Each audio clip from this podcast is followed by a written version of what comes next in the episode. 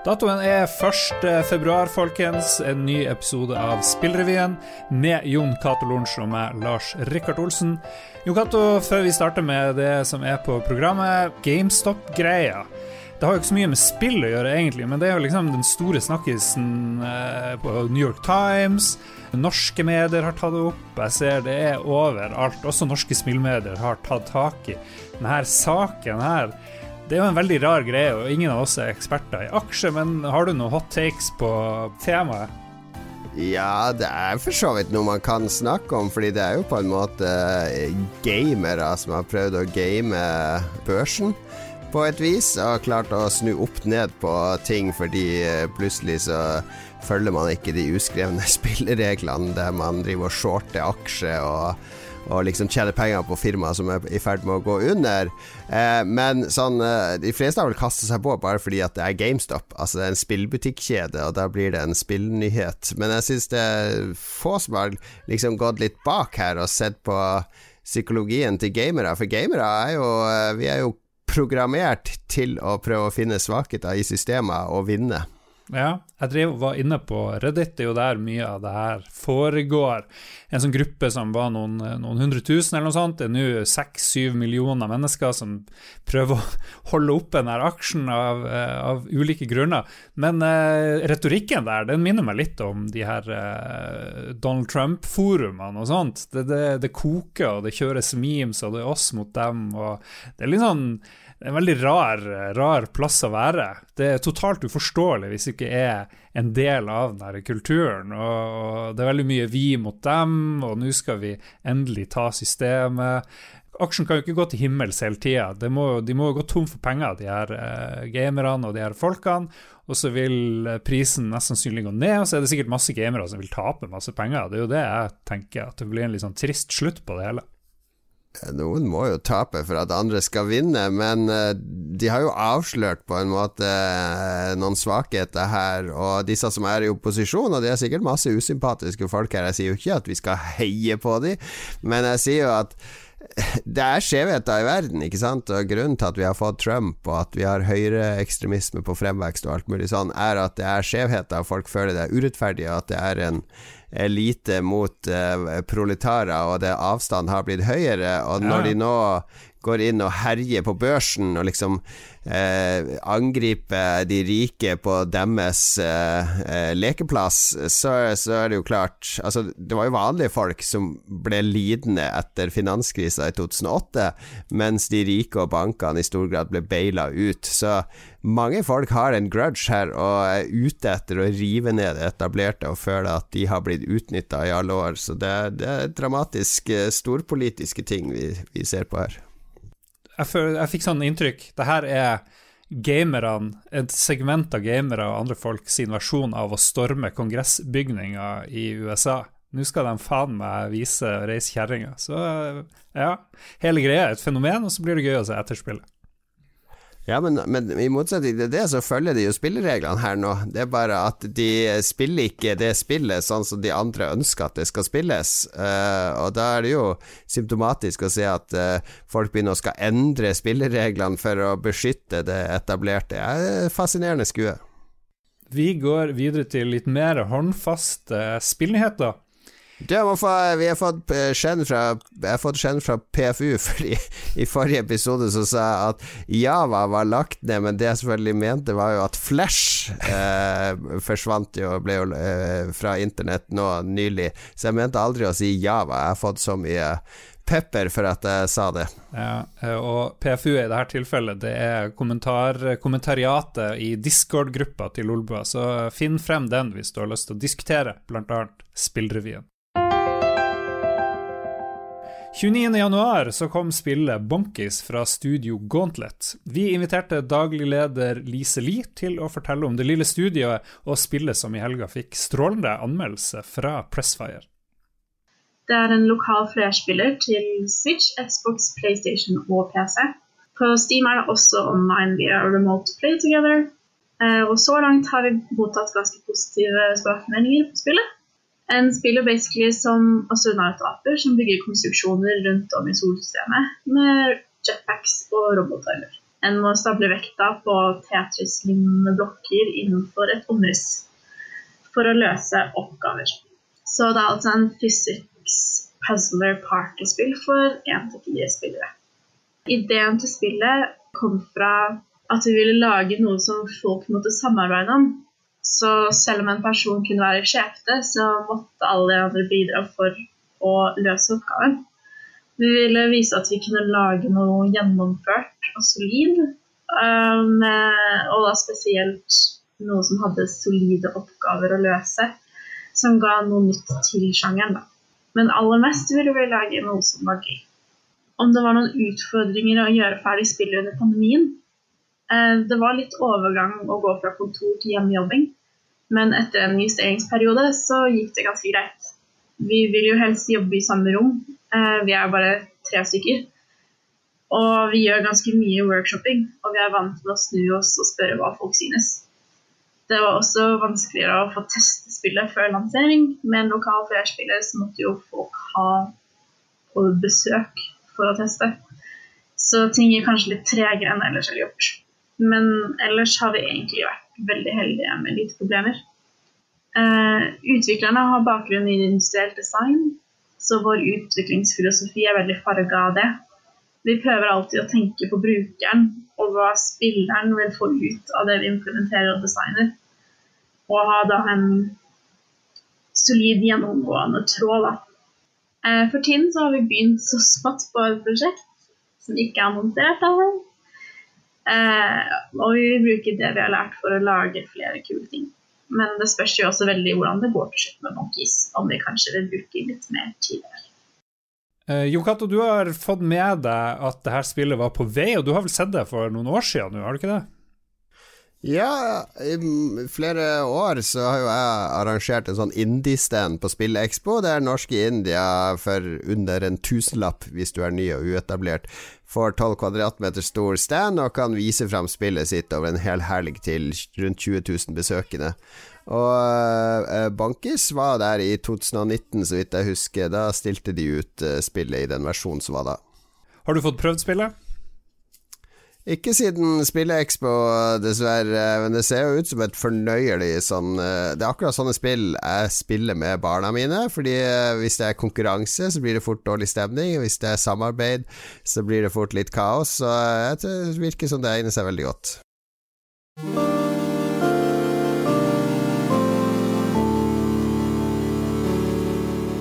Fra små norske spill til uh, mye større forhold. I en artikkel i The Economist som ble publisert for noen uker siden, og som fremdeles diskuterer i deler av det norske spillutviklermiljøet, så blir det poengtert og debattert for at uh, det mangler vilje til å investere på spill i Europa, og det gjør bl.a. at eh, store suksesser, når de kommer, kjøpes opp av selskap i Kina eller USA.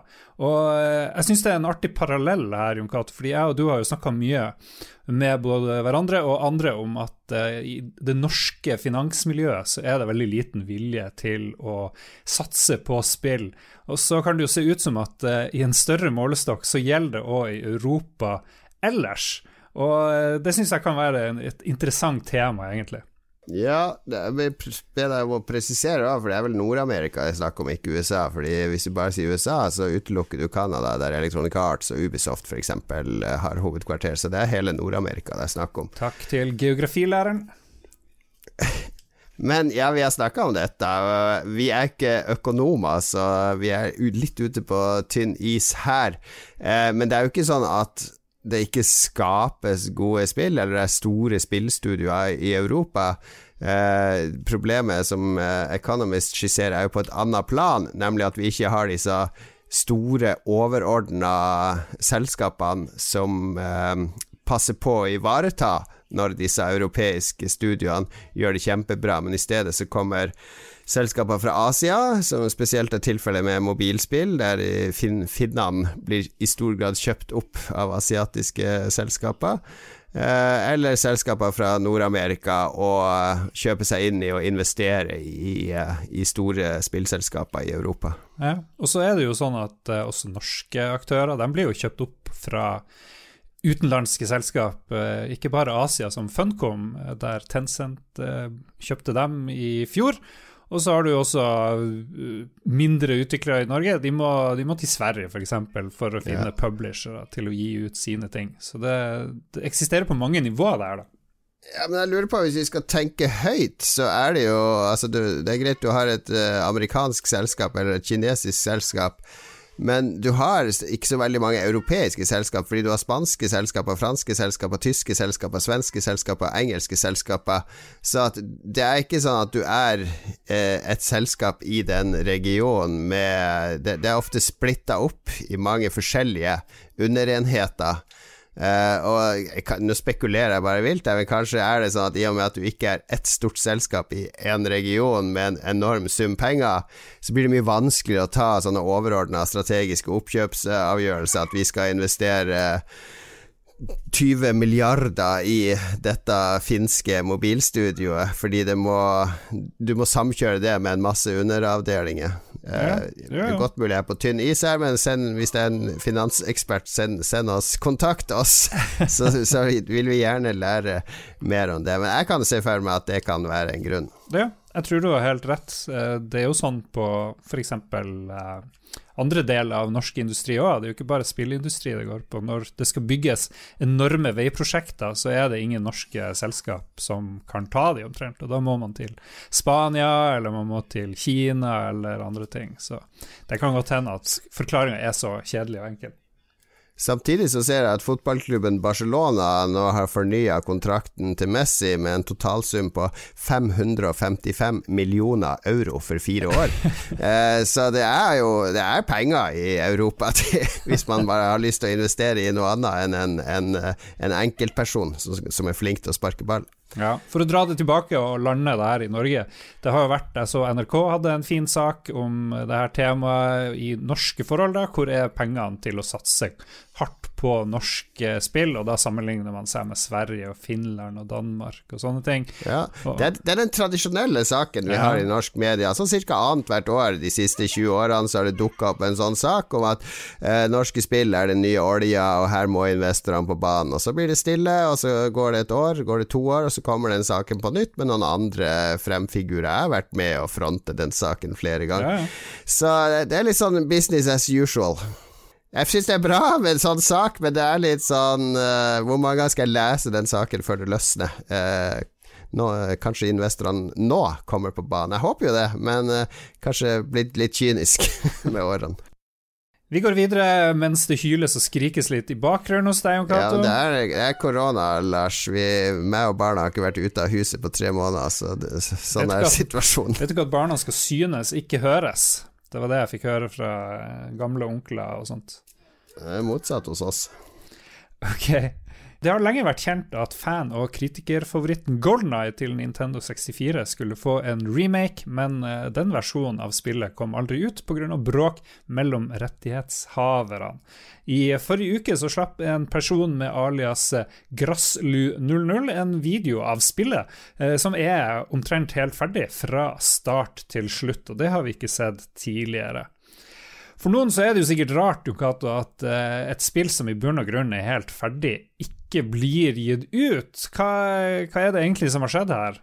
Det skjer av og til, og det som har skjedd her, er at Golden Eye ble jo laga på 90-tallet av Rare Studios på lisens fra Nintendo. Eh, for da var ikke James Bond-lisensen verdt en døyt. Det hadde vært noe spill fra Domark og andre døde selskaper i dag på 80-tallet med James Bond, men James Bond på 80- og 90-tallet var i decline. Det var en utdatert filmserie. Så Golden Eye-lisensen kosta en slikk og ingenting, og ble et veldig ikonisk skytespill på Nintendo 64.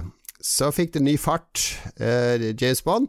Electronic Arts tok over lisensen i flere år. Eh, spydde ut James Bond-spill, som fikk sånn middels mottakelse, de fleste. Jeg husker ingen av de nye James Bond-spillene etter Golden Eye, faktisk.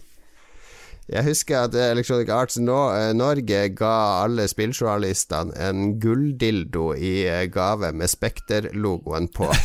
I forbindelse med en James Bond-lansering. Det er det jeg husker, eneste jeg husker fra disse ja, James Bond-spillene. Oi, oi, oi. Men eh, så tok Activision over den lisensen i 2006-2007. Jeg husker ikke egentlig om det kom noe James Bond-spill fra Activision, men det var mens Activision hadde lisensen at Microsoft hadde kjøpt Rare og ønska å gi De ga ut en Rare Collection med mange Rare-spill. Mm. Uh, og så ønska de også å få gitt ut en, en uh, ny versjon av Golden Eye til Xbox Live Arcade. Så her var det nok uh, vår venn Bobby Kotick og Activision som satte foten ned. Ja, kjedelige greier. Det kom Eller muligens Nintendo òg, som hadde ja. det originale Gold Eye. Det er et virvar av eh, interessefolk her. Ja, nei, det jeg leste, og det, det, er jo ikke noe bevis her, som vi vet jo ikke, men det var at Nintendo f.eks. satte ned foten for dem, følte ikke de tjente noe på det der. De skulle få en versjon til Nintendo Wii, eller hva det var for noe, uh, men uh, det var de ikke så interessert i. Men jeg lurer på hvorfor snakker vi fremdeles om Golden Eye? GoldenEye var det spillet som beviste at førstepersons skytespill fungerte på konsoll. Eh, beviste hvordan man skulle styre førstepersons skytespill, selv om den styringa i GoldenEye ikke ble videreført. Det var liksom Halo og andre som kom og, og raffinerte den ytterligere.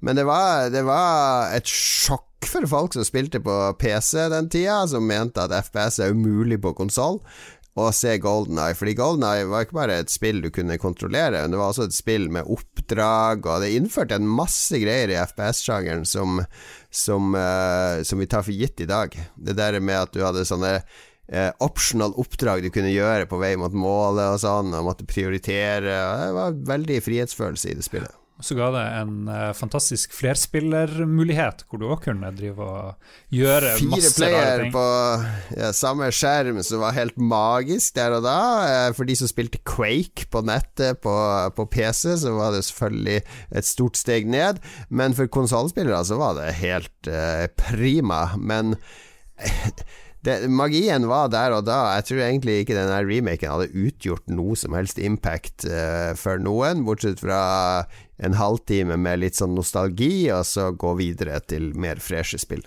Ja. Og Hvis du har lyst til å se denne videoen, så kan du gå på pressfire.no, kan du finne den. Eh, Eller så er den på YouTube. den kar som heter Grasslu00 som har lagt den ut.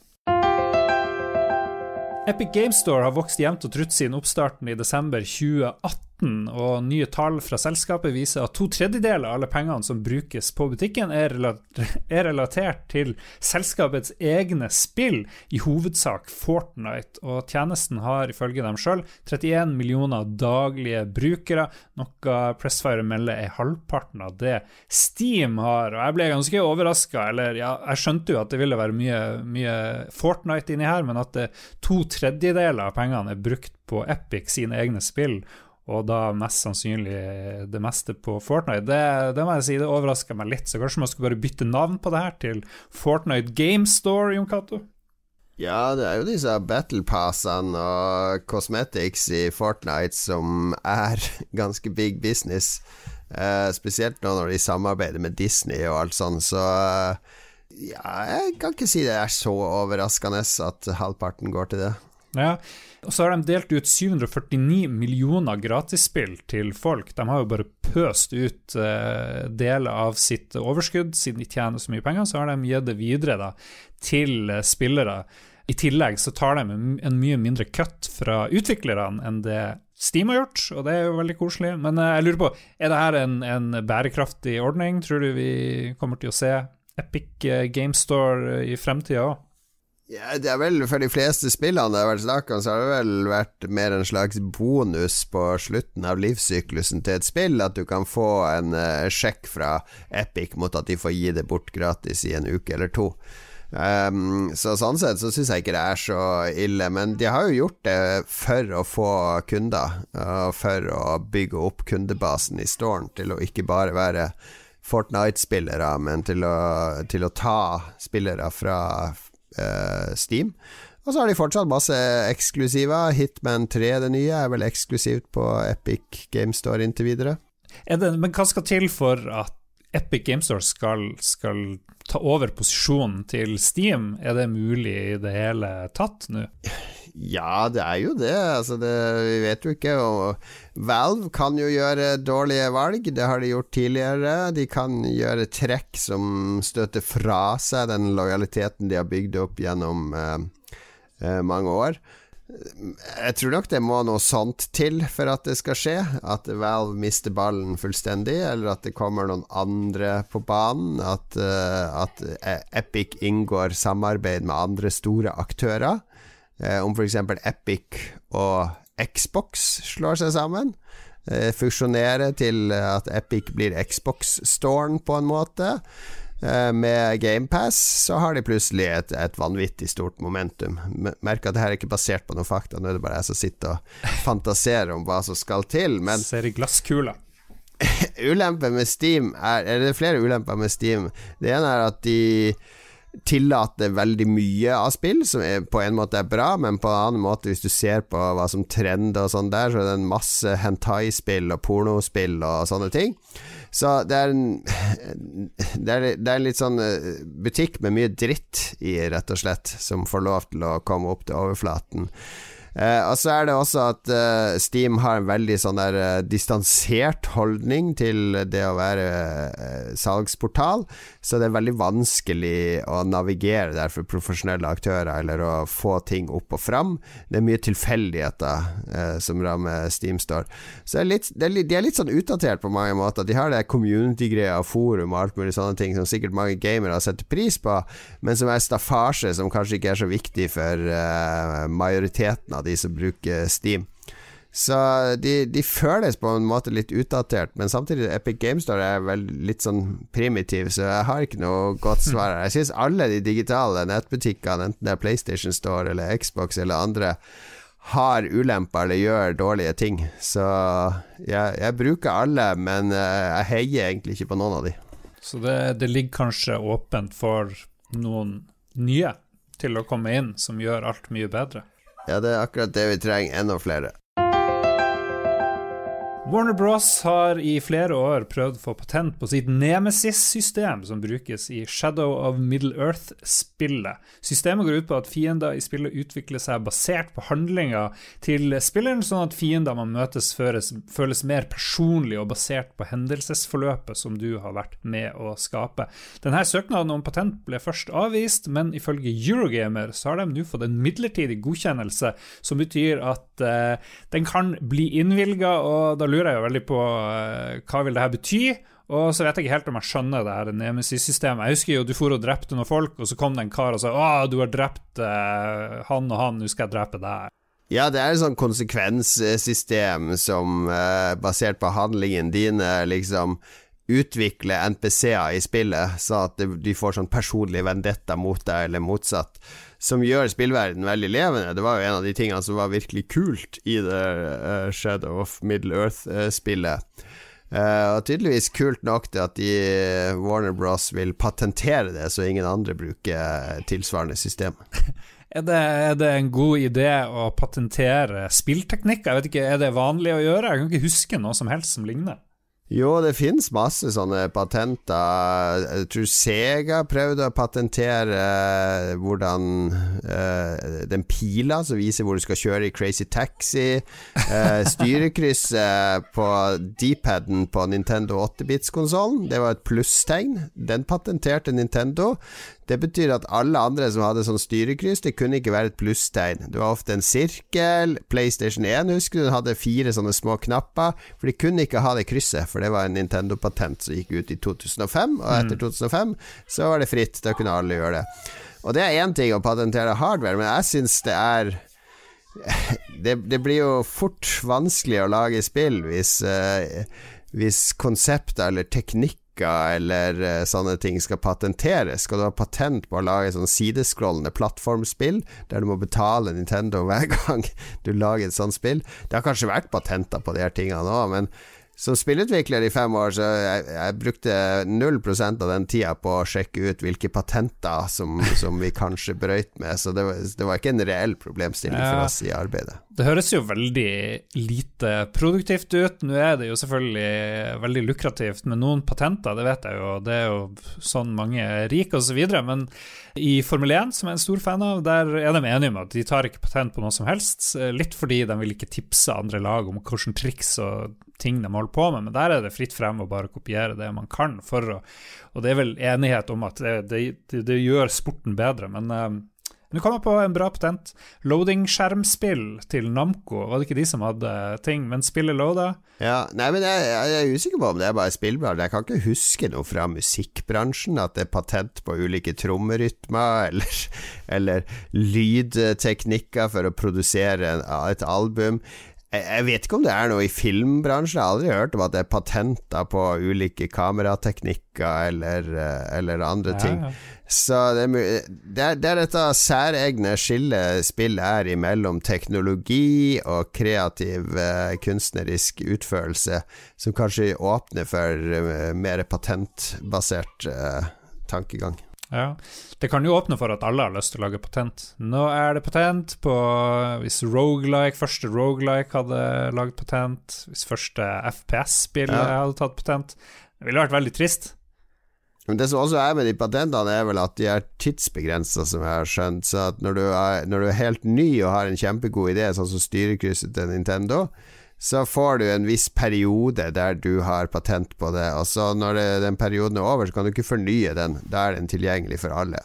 All right, vi er på dypt vern. Jeg tror vi må bare hoppe videre så fort som mulig. Vi trenger både å snakke med en ekspert på europeisk finans og en ekspert på patent, så ta kontakt. Takk, takk. Vi skal gå over på ukens spillutgivelser, og hva er det slags godbiter vi har i vente? Jeg har bare funnet ett som jeg tenker vi kan løfte opp og frem. For de som har vært så heldige å få tak i en PlayStation 5 Nå var det vel et nytt slipp forrige uke som ble resultert i en 60 nye annonser på finn.no eh, samme dag som slippet.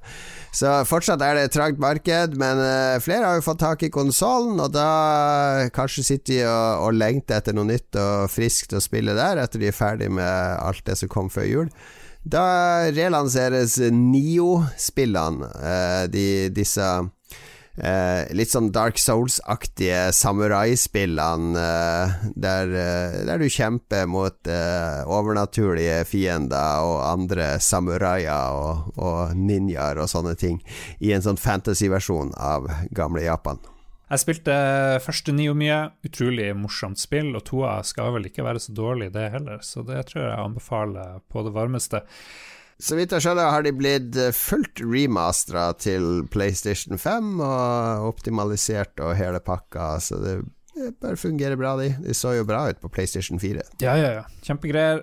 Har du, du nevnte PlayStation 5, har du vært på Finn og sett? Jeg så Nå ligger de på rundt 10 000, tror jeg, noe sånt. Hadde, ja, det, hadde de ligget på 10 000 da de kom helt i fjor, så hadde jeg kanskje gidda å kjøpe, men nå er jeg helt uinteressert i å kjøpe en ekstra dyr PlayStation. Nå har jeg venta lenge nok.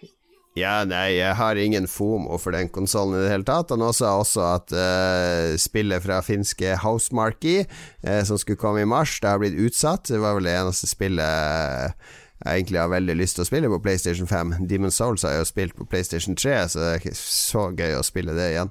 Selv om det ser freshere ut. Så jeg har ikke noe FOMO der lenger. Jeg så også at uh, GameZone, uh, den eneste norske indie-spillbutikken som er igjen, etter Spiderman og alle har kasta inn årene, de fikk endelig PlayStation 5 på lager, solgte de for 8000 per stykk. Ja, kapitalisme i praksis. Det er ikke ulovlig, det er ikke ulovlig. men det byr meg veldig mot å kjøpe en maskin på finn.no fra en eller annen sånn eh, sneaker-kid fra vestkanten som sitter med skriptene sine og kjøper klær og PlayStation og andre ettertrakta ting for å profitere på det. Da kan han heller kjøpe GameStop-aksjer for de pengene, jeg, i stedet for å drive og kjøpe PlayStation-maskiner. Ja, det tar oss elegant inn i anbefalinga til lyttere frem til neste uke. Er det å kjøpe GameStop-aksjer, som du nettopp sa? Nei, det er å holde hodet kaldt og ikke kjøpe aksjer, men kjøp noe eh, ekstra kos til deg sjøl i hverdagen. Eh, det her sier jeg fra oss i Oslo som har sittet innelåst nå i tre måneder og ikke ser noe lys i enden av tunnelen. Kos er viktig. Kos er viktig. Vi snakkes om en uke. Ha det bra. Ha det.